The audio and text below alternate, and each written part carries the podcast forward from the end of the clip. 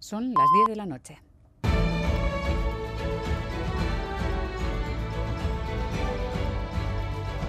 Radio Euskadi y Radio Vitoria. Servicios informativos. Repasamos los titulares de la jornada con John Fernández Mur, Gabón. Gabón, Miriam, noticias de este martes 7 de noviembre en el que comenzamos mirando a Urbasa, donde se localizaban los cuerpos sin vida de un padre y de su hijo. La principal hipótesis que se baraja y que según ha podido saber ITV confirmarían los resultados de la autopsia es que el padre causó la muerte del hijo arrojándose con él al vacío. El caso está siendo investigado por la Guardia Civil. El hombre se separó de su pareja hace unos dos años y medio y llevaba mal esta situación según fuentes de la investigación. Consternación en Estella, donde vive la madre y donde el pequeño iba a la Icastola, también en Igusquiza, lugar de residencia del padre. Es que estamos, la verdad, bajos. Sí que los conozco. Ella es una peluquera de Estella que se le conoce bastante y él, pues de, de vista simplemente. Él es algo mayor. Sorpresa, sorpresa muy grande, ¿no? Esas noticias no entran en la cabeza. Y sí que se habla que, eh, que estaba un tanto depresivo, que, que lo estaba pasando mal. Es horroroso, horroroso.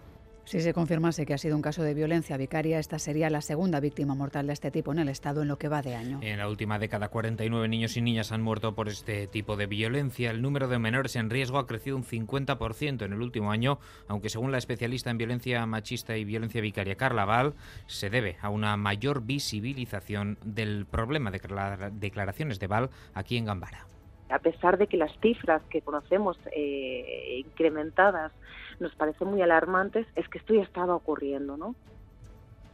Un joven de 19 años de Zumárraga permanece en coma después de que el pasado 1 de noviembre recibiera una paliza propinada por un grupo de 30 personas en Bruselas. Sí, lo hemos conocido hoy. La agresión ocurrió a la salida del metro del barrio de Molenbeek. La víctima, Sufian El Imrani, vive en Bruselas con su tío desde hace un par de años, pero ha hecho vida durante la mayor parte de sus 19 años en Zumárraga.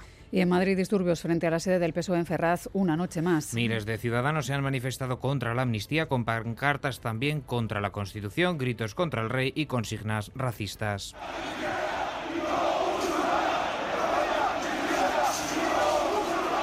España cristiana y no musulmana gritaban las protestas se han extendido a otros lugares de la capital española. Cientos de manifestantes han cortado la Gran Vía y han obligado a la policía a proteger el Congreso, hacia donde se dirigían liderados por ultraderechistas destacados en redes sociales o por el propio líder de Desocupa. Entre tanto, siguen las negociaciones para la investidura de Sánchez. Sí, aunque se enfrían las expectativas, PSOE y Junts siguen intercambiándose documentos en Bruselas para tratar de solventar las diferencias técnicas en torno a la ley de amnistía. Fuentes del Congreso de momento no se atreven a poner una fecha para la investidura sobre la mesa y también queda por cerrar, recuerden, el acuerdo entre PSOE y PNV. Y en página internacional les contamos que ha dimitido el primer ministro portugués Antonio Costa. Costa ha renunciado por la investigación en su contra por posible prevaricación, corrupción activa y pasiva y tráfico de influencias en negocios de litio y hidrógeno. Asegura que no ha cometido ningún acto ilícito. Han sido detenidos su jefe de gabinete y un empresario amigo. Se han registrado más de 40 lugares, entre ellos la residencia oficial del primer ministro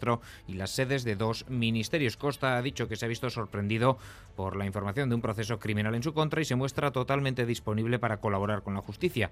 Niega las acusaciones y subraya que se marcha con la conciencia tranquila. É, porém, meu entendimento que a dignidade das funções de primeiro-ministro.